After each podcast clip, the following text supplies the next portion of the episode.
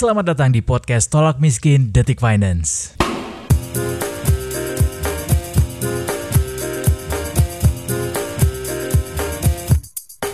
Bitcoin lagi panas-panasnya jadi lirikan investasi masyarakat dunia saat ini. Indonesia juga termasuk di dalamnya. Harganya berkali-kali cetak rekor detikers. Harga Bitcoin sekarang ini sudah tembus sampai 270 juta rupiah per kepingnya. Angka ini eh, katanya sih hampir menyentuh harga tertinggi sepanjang sejarah. Mata uang kripto ini diramal bisa mencapai level tertinggi yaitu di kisaran 20.000 US dollar atau sekitar 282 juta per keping. Wow, bayangin kalau kita punya satu keping Bitcoin aja harganya segitu gedenya. Secara keseluruhan harga Bitcoin ini ternyata sudah naik 170% sepanjang tahun ini. Di awal 2020 Bitcoin itu harganya cuma 99 juta detikers, tapi e, juga sempat anjlok bahkan ke level 65 juta rupiah per kepingnya pada Maret 2020 kemarin gara-gara di awal pandemi corona. Nah, e, melompatnya harga Bitcoin ini sampai hampir menyentuh rekor tertinggi sepanjang sepanjang sejarah itu ternyata gara-gara permintaan lagi banyak-banyaknya ini. Saat ini sudah banyak masyarakat dunia yang ternyata paham sama yang namanya Bitcoin ini e, karena mereka menganggap Bitcoin adalah e, aset safe haven e, sebagai aset investasi pelindung di tengah krisis pandemi COVID-19 ini.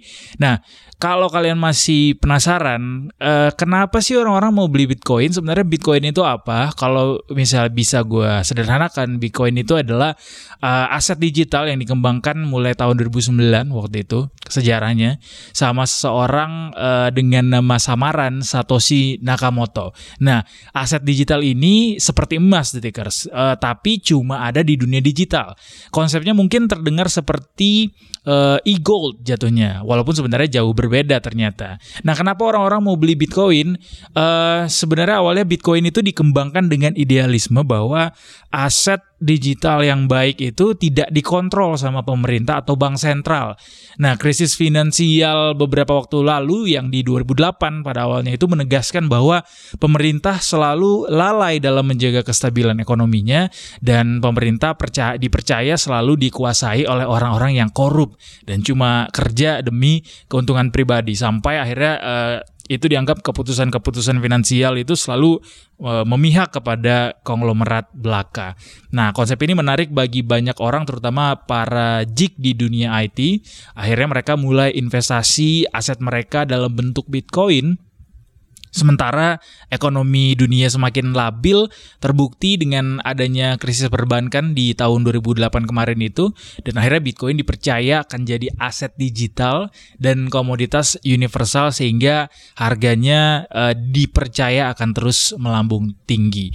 Nah, kali ini kita akan uh, kupas seperti apa Bitcoin ini dan uh, uh, menarik uh, mengupas bagaimana Bitcoin bisa jadi investasi yang yahut, yang cuan di masa depan. Kita tanya-tanya sama CEO Bitcoin Indonesia atau yang sekarang dikenal dengan Indodex, yaitu Pak Oscar Darmawan.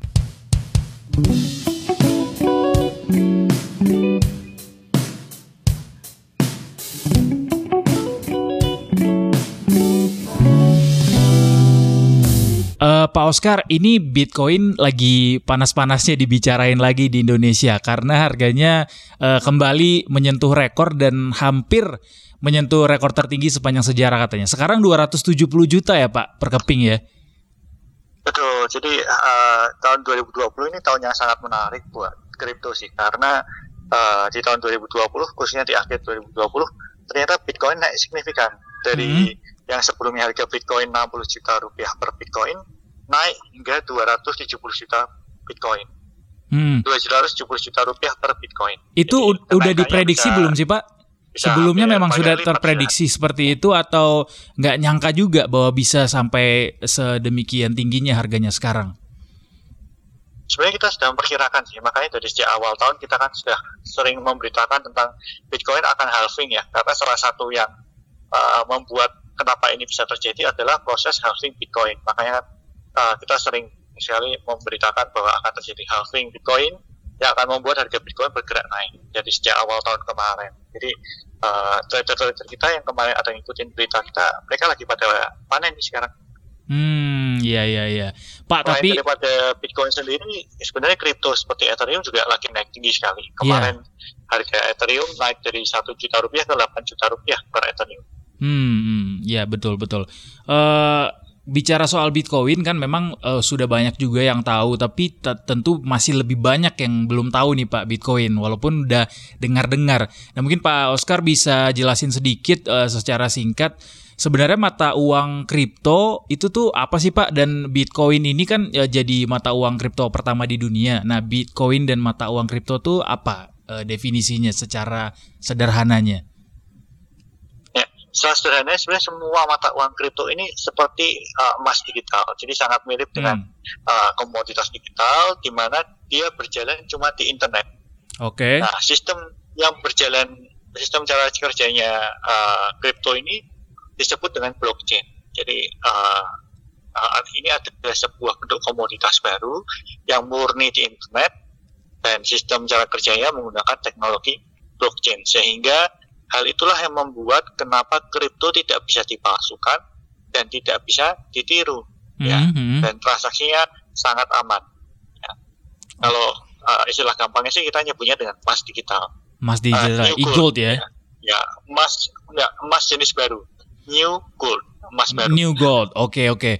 Kalau Ya, kalau bisa dibandingkan sama mata uang dunia begitu masing-masing negara, bedanya apa mata uang kripto dan mata uang negara?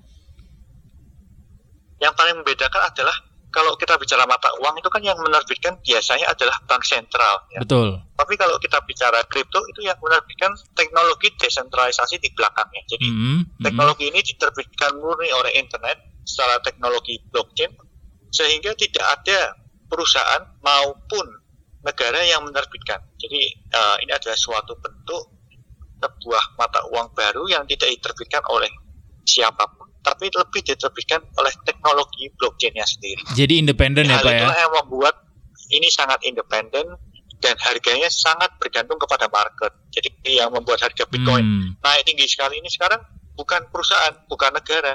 Yang harga Bitcoin ini bisa tinggi sekali adalah karena proses demand dan supply yang ada pada market sendiri. Oke. Pak, kalau kita kulik ke belakang kan sejarahnya Bitcoin ini eh, awalnya dilatar belakangi karena eh, krisis eh, ekonomi, krisis keuangan waktu itu Pak ya di Amerika dan juga Eropa. Betul, ya. Eh, karena adanya ketidakpercayaan begitu kepada pemerintah yang dinilai eh, selalu berpihak kepada konglomerat sehingga lahirlah Bitcoin yang dianggap akan bisa membantu masyarakat dunia lewat digitalisasi ini dikeruklah uang digital ini. Tapi kalau bicara soal eh, masuknya mata uang kripto ke Indonesia itu awalnya gimana Pak bisa sampai ke Indonesia dan akhirnya sebesar ini juga? Uh, sebenarnya pada saat kita memulai bisnis ini di tahun 2013-2014 lampau, uh, mata uang Bitcoin itu belum dikenal oleh masyarakat Indonesia. Jadi Hmm, uh, saya bersama partner saya, beberapa partner saya, kemudian kita yang pertama kali nih membawa, uh, uh, kita membeli Bitcoin dari luar negeri, kemudian kita kita jual di Indonesia.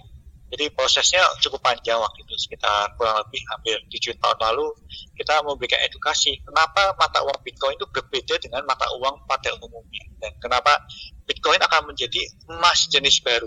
Jadi kita menceritakan teknologi di belakangnya, kita menceritakan kenapa blockchain itu luar biasa, sehingga pada akhirnya orang-orang penggiat teknologi di Indonesia mereka melihat memang secara teknologi Bitcoin ini luar biasa. Akhirnya mereka ada beberapa yang mencoba untuk ikut membeli, sehingga pada akhirnya volume perdagangan di Indonesia uh, sangat aktif seperti sekarang ini. Hmm, kalau untuk orang awam biasanya mereka tuh eh, apa yang mereka sanksikan tuh soal Bitcoin apa sih Pak biasanya? Kalau untuk orang awam biasanya mereka uh, disanksi karena mereka tidak mengetahui dan memahami apa itu teknologi blockchain. Jadi waktu mereka dengar pertama kali tentang Bitcoin, uh, mereka beberapa dari mereka sempat mengira Bitcoin itu seperti MLM. Ya. Hmm, Padahal Bitcoin itu bukan MLM dan Bitcoin itu bukan produk investment. Ya.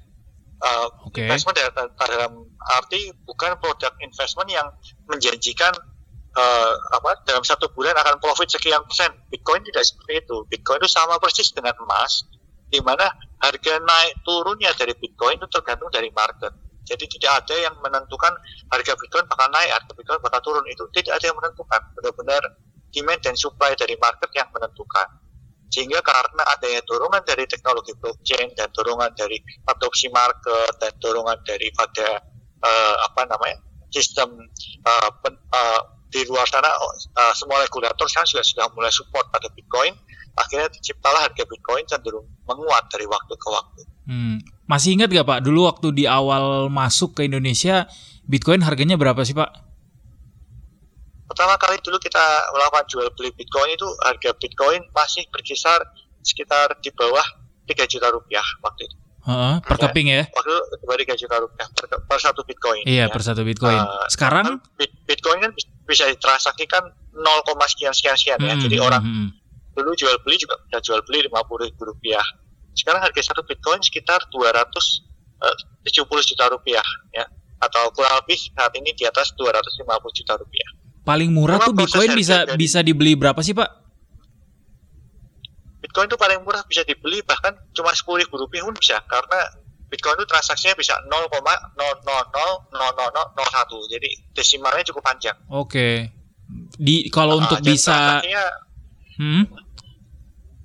dan transaksinya bisa dalam desimal jadi tidak perlu yeah. harus satu bitcoin dua bitcoin seperti yeah. itu ya, jadi kayak ini dong misalnya satu uh, bitcoin 200 juta uh, eh, gue mau beli seratus ribu ya udah tinggal dipecah aja ya kayak emas ya nol koma nol gitu kayak kalau kalau emas kan mungkin satuannya uh, cuman uh, 0,5 gram, gram gitu gram, tapi kalau ini ya. lebih luas lagi ya desimalnya ya, ya. kayak misalnya satu kilogram emas 600 juta gitu. hmm. kalau satu gramnya berapa gitu kita gitu ya. aja oke okay.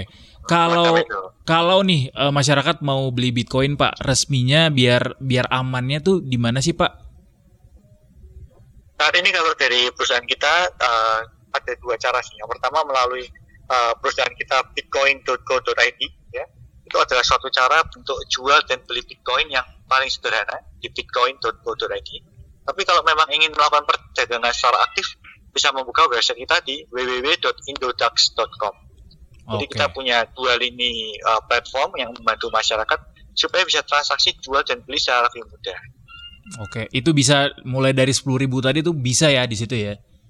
Bisa, bisa pak. Bahkan kalau sudah uh, apa masuk ke sepuluh ribu mau beli cuma seribu rupiah atau berapa ribu rupiah juga bisa karena transaksinya bisa dalam desimal. Okay. Dan yang kita perdagangkan bukan cuma Bitcoin saat ini, tapi ada 100 jenis kripto lainnya. Jadi oh, ada, ada 100 ada jenis. 100 Betul. Oke, ya. oke, oke.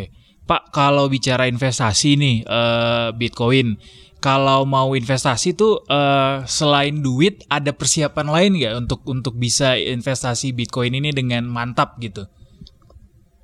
Paling mudah sebenarnya paling baik adalah uh, mempelajari tentang uh, teknologi daripada Bitcoin sendiri dan mempelajari teknik-teknik dalam uh, trading Bitcoin Ya, makanya di Indodax kita juga ada membuat sebuah website ya, hmm. yang berisi se seperti sekolah online untuk belajar trading kripto. Ya. Uh, bisa diakses di www.indodax.academy. Ya, akademinya pakai C, ya, akademi. Hmm. Uh, Indodax.academy ini memberikan informasi tentang bagaimana sih cara uh, apa beli Bitcoin, bagaimana cara jual, bagaimana cara melihat market yang baik dan uh, kapan melihat momen yang tepat untuk membeli dan menjual. Jadi Jadi tetap pakai strategi dan analisis ya, Pak ya. Betul. Ya, dan semua edukasi itu kita berikan gratis kepada masyarakat. Oke. Okay. Bisa diakses melalui uh, handphone, melalui komputer dan informasinya semua gratis. Nah, kalau itu kan berarti kayak tips-tips uh, persiapan mau memulai beli Bitcoin ya. Nah, betul, kalau betul, misalnya betul. dari segi ini itu sebenarnya cocoknya untuk jangka panjang, menengah, atau bahkan pendek gitu. Gimana tuh? Ya. Kalau kita lihat dari jenis perdagangan Bitcoin, kalau kita memang ingin mendapatkan momentum kepastian profit, itu seharusnya jangka panjang. Tapi hmm. kadang-kadang harga Bitcoin itu kan bergerak cukup liar loh dalam waktu uh, dalam waktu satu bulan atau dua bulan. Sehingga bisa juga dikatakan Bitcoin ada jenis perdagangan jangka pendek dan jangka menengah. Hmm. Sebenarnya tergantung dari momentumnya sih. Tapi kalau kita bicara tentang uh, koin-koin uh, yang lain selain Bitcoin, ya itu biasa rata-rata jangka jangka pendek karena banyak dari Hmm. koin-koin itu eh, naiknya sangat cepat dalam sehari bisa naik turun 10% lebih Ya. Oh itu untuk koin Lebih liar daripada nanti, saham. nanti bisa kita bahas belakangan. Itu nanti ada pertanyaan juga sih soal itu. Iya, eh, tapi kalau yang paling populer di Indonesia sekarang mata uang kripto masih Bitcoin ya Pak yang paling populer. Dan ini yang populer di Indonesia ada Bitcoin dan Ethereum. Jadi Ethereum kedua ya. kripto ini kan kedua kripto ini kan eh, bisa dikatakan yang memulai eh, apa eh, mata uang digital ini sejak 10 tahun terakhir. Oke. Nah kalau, kalau katakanlah kita udah beli nih, uh, udah investasi lah, dalam manage investasinya tuh apa sih yang harus kita cari tahu? Gitu. Terus apa aja tantangannya yang biasa muncul gitu ketika investasi ini? Tantangannya yang salah satunya paling susah untuk dihindari itu adalah eh, uang dapur sih. Jadi banyak banyak orang yang ternyata kalau investasi itu menggunakan uang dapur. Nah itu kan sesuatu Salah yang ya. seharusnya dihindari ya. Ya ya ya. Karena kadang-kadang eh, ada aja namanya kebutuhan. kan. Betul. Padahal momentum jualnya belum datang. Ya. Hmm. Tapi orang sudah keburu jual. Begitu mereka sudah jual, ternyata marketnya naik. Ya Hmm. itu yang biasanya membuat eh, kenapa orang menjadi rugi. Hmm. Oke. Jadi harus tetap ini ya eh, proper ya investasi Pak ya ngeluarin duitnya ya. Betul. Nggak sembarangan ngeluarin uang, uang dingin seharusnya jangan menggunakan uang, uang panas. dingin, Jadi betul. uang-uang yang apa yang uh, untuk kebutuhan sehari-hari, apalagi untuk uang anak sekolah ya itu jangan dipakai buat trading itu. Sepakat, Ya, tapi sepakat. kalau kebutuhan Harus Ya, uang tabungan dingin ya. itu bisa ya. Jadi waktu uh, harganya naik itu baru kita jual, waktu harga turun kita tahan. Karena ini kan Hmm, sebenarnya pasar iya, iya. fisik ya kalau Iya, sebutan iya. dalam Oke. dunia ekonomi. Dalam arti kalau memang kita belum memutuskan menjual, kita itu nggak akan rugi secara kertas. Tapi pada saat kita memutuskan menjual, saat itulah kita rugi secara kertas. Hmm.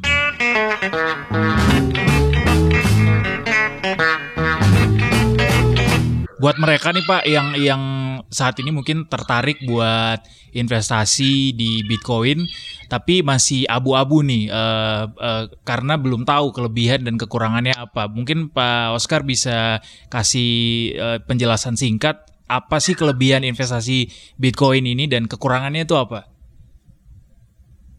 Salah satu kelebihan daripada investasi trading Bitcoin ini adalah karena perdagangan Bitcoin itu sama persis seperti perdagangan emas. Jadi Hmm. kita sendiri yang memutuskan kapan saat membeli dan kapan saat menjual. Set- uh, agak beda dengan perdagangan seperti forex. Ya. Hmm. Kalau forex itu kan uh, biasanya kalau kita belum mau menjual, tapi uh, tradernya kena margin call sehingga dipaksa untuk menjual. Ya, saham pun demikian. Kalau trading saham yang pakai margin, nanti apabila ternyata uh, sudah kena margin call, sahamnya akan dipaksa jual. Sedangkan kalau trading Bitcoin, ya uh, pada saat kita belum memutuskan menjual, ya kita nggak akan menjual. Jadi nggak akan terjadi kerugian. Sehingga kita bisa memastikan portofolio kita bisa selalu positif, bisa selalu untung. Hmm. Pada saat harga naik baru dijual, harga turun barang ditahan. Ya, seperti itu. Makanya yang paling uh, sulit adalah mengatasi uang dapur. Kalau misalnya ternyata kita pakai uang panas, itu tradingnya jadi nggak sehat. Ya, yang satu itu. Nah, itu juga membuat uh, kelemahan daripada Bitcoin. Kelemahan daripada trading Bitcoin karena ini sifatnya ada trading pasar fisik, sehingga uh, kalau kita bicara uang satu juta rupiah, ya pada saat terjadi profit 10%, ya untungnya cuma 10%. Hmm. Ya, sama seperti uh, perdagangan jual beli emas. Uh, ini sesuatu yang aman uh, dan sesuatu yang mungkin uh, kalau orang yang suka benar-benar sangat tipe high risk banget yang pengen uang sepuluh ribu bisa uh, besok jadi uang satu juta, ya itu mungkin agak kurang cocok sih untuk trading Bitcoin. Jadi Tapi harus kalau sabar ya Pak ya. Koin-koin betul harus sabar. Tapi kalau kita bicara koin-koin lainnya ya itu mungkin aja karena kadang-kadang uang sepuluh ribu bisa jadi seratus ribu Hmm. dalam satu hari. Ya. Iya. Tergantung dari jenis koin yang ingin uh, Oh, diperdagangkan. Oh iya satu lagi nih, Pak, saya hampir lupa nih. Dulu kan ada penolakan juga tuh dari pemerintah, kata terutama Hmm. BI tuh katanya kan ini nggak bisa jadi apa eh, alat pembayaran yang sah. Nah, Hmm. secara legalitas tuh sekarang gimana sih? Kan biasa kalau orang Indonesia kan, nah, ini legal nggak sih? Gitu. Ini aman nggak sih? Nah, suka kayak gitu, gimana sih? Jadi uh, ini sekalian saya ingin meluruskan sih. Uh, pada masa itu sebenarnya uh, BI bukan melakukan penolakan, tapi BI melakukan klarifikasi bahwa uh, alat pembayaran yang diterima di Indonesia itu cuma rupiah, ya. Dan sampai sekarang pun demikian. Jadi di Indonesia ini kalau kita bicara uh, apa namanya untuk bayar, untuk untuk beli barang itu harus dengan rupiah. Bahkan US dollar pun nggak boleh itu secara aturan undang-undang yang ada di Indonesia. Uh, waktu itu BI menegaskan bahwa kalau mau beli barang pakai rupiah, ya bukan Bitcoin. Kan perkataan BI seperti itu. Maksudnya cuma untuk menegaskan bahwa transaksi harus dengan rupiah. Sampai sekarang pun masih demikian bahwa transaksi di Indonesia itu harus dengan rupiah. Semua mata uang asing itu tidak diperbolehkan karena Bitcoin kan dianggap sebagai mata uang asing ya. Jadi harus dengan rupiah. Nah, tapi di satu sisi sekarang sudah ada perkembangan regulasi baru dari Kementerian Perdagangan yang mengatur Bitcoin sebagai komoditas. Ya. Hmm. Ada satu aturan peraturan kementerian mengatur Bitcoin sebagai komoditas dan hal ini membuat uh, sehingga perdagangan Bitcoin di Indonesia diakui legalnya 100%. Hmm. Karena itu berarti sekarang uh, orang jual beli Bitcoin itu sama seperti jual beli barang dan hak kepemilikan atas Bitcoinnya diakui karena sudah dianggap sebagai komoditas. Ya betul. Jadi bentuknya komoditas nggak boleh dipakai buat pembayaran. Kalau mau dipakai pembayaran hmm. dicairin dulu jadi rupiah gitu berarti ya. Betul. Karena transaksi di Indonesia harus dengan rupiah. Hmm, oke oke oke. Tapi pernah pernah ada kabar juga pak yang uh, Bitcoin tuh di, sering dipakai buat transaksi narkoba, striptease online sampai uh, beli senjata ilegal di black market juga. Itu pernah ada kabar kayak gitu. Itu kok kayak gitu-gitu masih ada pak sekarang? Kalau ditanya uh, semua komoditas kalau kita bicara komoditas kan bisa dibarter ya yeah. bisa ditukar jadi kalau uh, apakah pasar uh, gelap itu masih menerima bitcoin? Saya kira pasar gelap masih menerima. Karena kita nggak bisa membantah bahwa bitcoin ini sangat populer di internet bahkan PayPal pun kemarin baru saja mengintegrasikan dengan Bitcoin kan. Hmm. Nah, karena hmm, terlalu populernya Bitcoin sehingga kalau kita bicara populer itu bukan hanya populer di dunia putih tapi juga populer di dunia hitam. Hmm. Nah, karena uh, kalau orang bilang transaksi di internet kan transaksinya sangat liquid tuh, semua orang bisa transaksi. Jadi bukan bukan cuma yang putih aja dan karena ini sudah di internet, jadi kadang-kadang kita nggak bisa misah-misah mana yang buat putih mana yang buat hitam. Hmm. hmm. Tapi itu membuktikan bahwa Bitcoin itu sangat ideal untuk menjadi mata uang internet.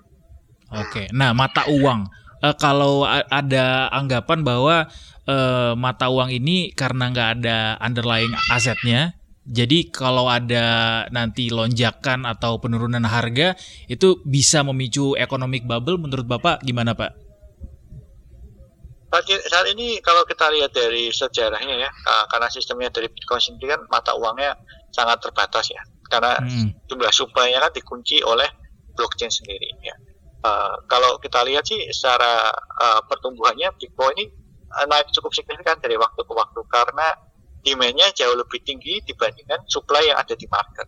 Nah, uh, tapi apakah bisa membuat ekonomi bubble? Saya kira ekonomi bubble bisa disebabkan oleh banyak hal, bukan cuma oleh Bitcoin contohnya lewat uh, apa uh, seperti naik turunnya pasar saham kan juga bisa hmm, memicu hmm, ekonomi hmm. bubble. Kemudian naik turunnya inflasi mata uang lain juga bisa memicu ekonomi bubble. Bahkan properti pun bisa. Jadi semua bisa memicu bukan cuma Bitcoin. Tapi apakah dikatakan Bitcoin juga bisa memicu? Kalau Bitcoin naik lebih tinggi lagi dan uh, market cap-nya makin besar lagi, uh, mungkin selalu sekali lebih besar dari sekarang ya mungkin aja tapi kalau dengan market cap yang sekarang rasanya pasar properti pasar saham jauh lebih bisa memicu daripada Bitcoin. Oke hmm. oke okay, okay. uh, eh, ini kan banyak pak mata uang kripto tadi Pak Oscar udah mention ada 100 jenis yang dijual di Indodex. Uh, dengan banyaknya mata uang kripto ini jenis-jenisnya oh, yang paling menarik untuk dikoleksi yang mana sih Pak? Yang paling menarik tentu Bitcoin dong. Karena Bitcoin kan yang paling terbukti setelah 10 tahun terakhir stabil dan secara teknologi sangat solid. Hmm. Selain Jadi, Bitcoin yang uh, lagi rising star-nya apa, Pak? Uh, saya bisa mengatakan Ethereum salah satu yang lagi rising star sih. Hmm. Karena Bitcoin dan Ethereum ini uh, punya teknologi yang sangat solid. Kalau Bitcoin berusaha menjadi mata uang internet, sedangkan kalau Ethereum itu berusaha mem, uh, mendukung pertumbuhan desentralisasi aplikasi di apps. Jadi uh, orang-orang yang mau membuat aplikasi yang menggunakan uh, desentralisasi sistem, rata-rata mereka menggunakan menggunakan Ethereum. Nah, ini kan pihak pihak-pihak lain banyak nih Pak mau bikin kayak Facebook dengan Libra, terus uh, Cina juga mau bikin nah, mata digital sendiri atau kripto sendiri itu kira-kira bakal ngaruh ke pergerakan harga Bitcoin nggak secara positif atau bahkan negatif gitu? Hmm. Saya kira itu bakal memicu pertumbuhan Bitcoin secara positif sih. Karena kalau hmm. uh, unicorn unicorn di luar negeri semua bertumbuh mendukung pertumbuhan uh, blockchain dan pertumbuhan mata uang digital itu akan membuat semakin lebih mudah aliran uang ke dunia kripto. Sehingga itu akan memicu pertumbuhan kripto makin luas lagi. Ya, karena pada awalnya kan orang pada skeptis nih dulu Betul, uh, apa, apa, apa, apa apa mungkin uh, apa mata uang digital seperti kripto ini bisa bertumbuh makin luar biasa lagi karena nggak uh, ada fisiknya katanya kan gitu. Yeah. Tapi kita bisa melihat adopsinya sekarang makin didukung oleh pemerintah. Kita bisa melihat bagaimana bahkan Facebook sendiri mempertimbangkan untuk membuat uh, project Libra yang iya. sekarang yeah. nama projectnya berganti jadi nama project Diem, namanya Diem, project Diem hmm. untuk membuat mata uang digital untuk versi Facebook sendiri. Artinya dengan ekosistem yang ada saat ini kondisinya itu semuanya mendukung deng, uh, mendukung positif uh, pertumbuhan investasi Bitcoin di masa mendatang ya Pak ya. Saat ini demikian, khususnya banyak negara-negara selain Indonesia sendiri juga positif, di negara US juga positif, uh, Eropa, Amerika semua sudah mendukung regulasinya sih. Uh, kalau dulu kita waktu pertama kali bertemu Pak Angga itu kan dulu uh, secara regulasi banyak yang merah-merah gitu kan. Betul tapi sekarang uh, secara regulasi semua sudah hijau di berbagai negara. Dulu itu kan Rusia juga nolak dulu, terus Cina juga nggak hmm. mau, Jepang masih ya. mempertimbangkan. Kayaknya sekarang hmm. udah mulai bisa terima sih.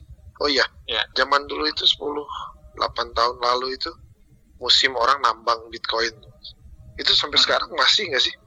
Apakah masih udah lah. udah jarang dan karena kan katanya itu kan berebut kan memecahkan hmm. algoritma terus dapat gitu karena semakin banyak yang menambang pada akhirnya katanya saya beberapa ketemu penambang juga katanya makin ke sini makin agak susah dapatnya katanya tapi itu masih dilakukan ya iya.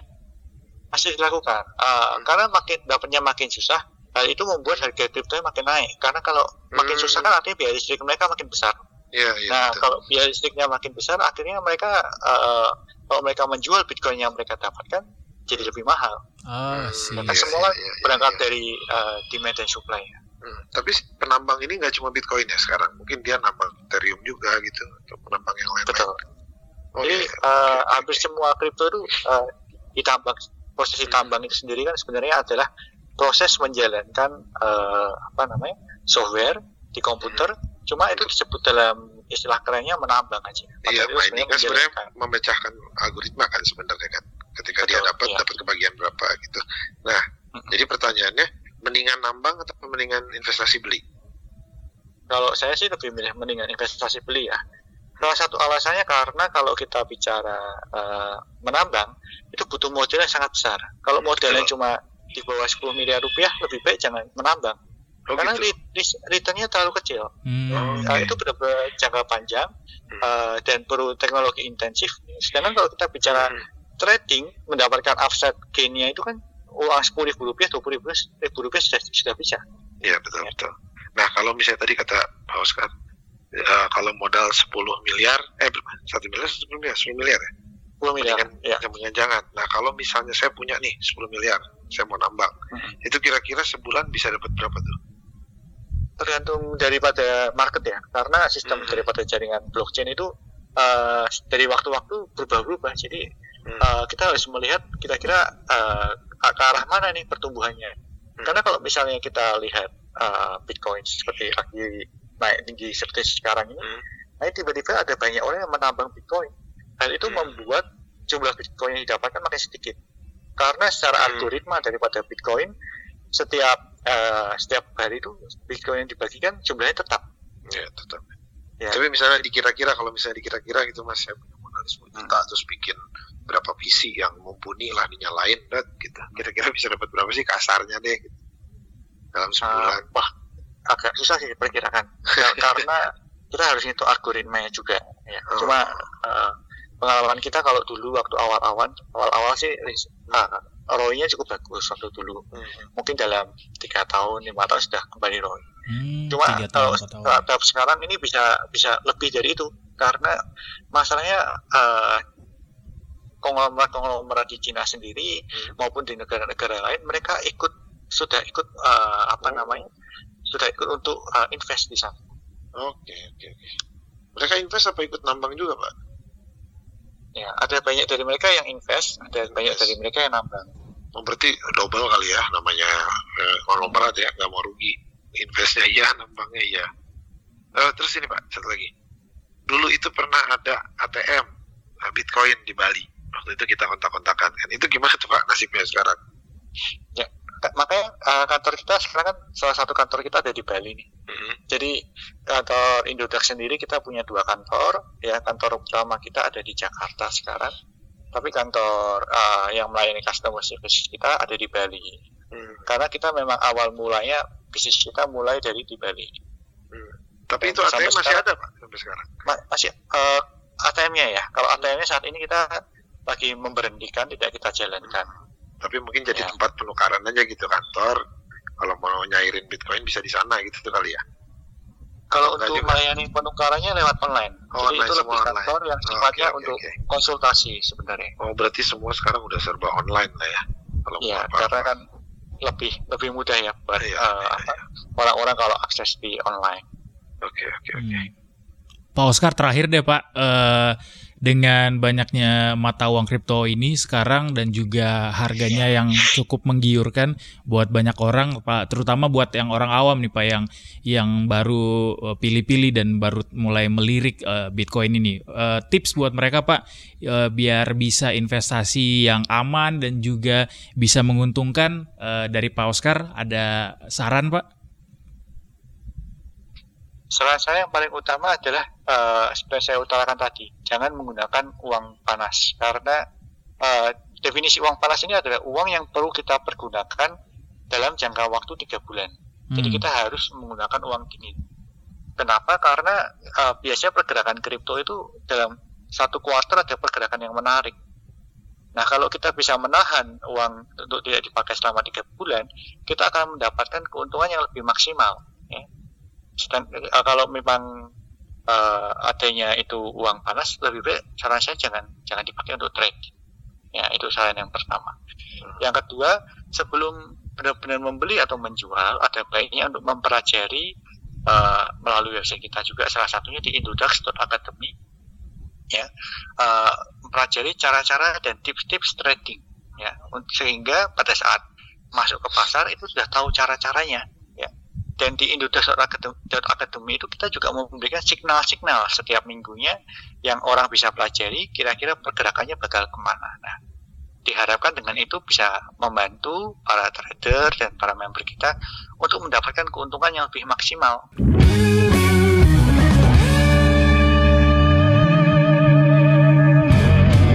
Jangan lupa dengerin podcast-podcast Detik Finance berikutnya di podcast Tolak Miskin. Detikcom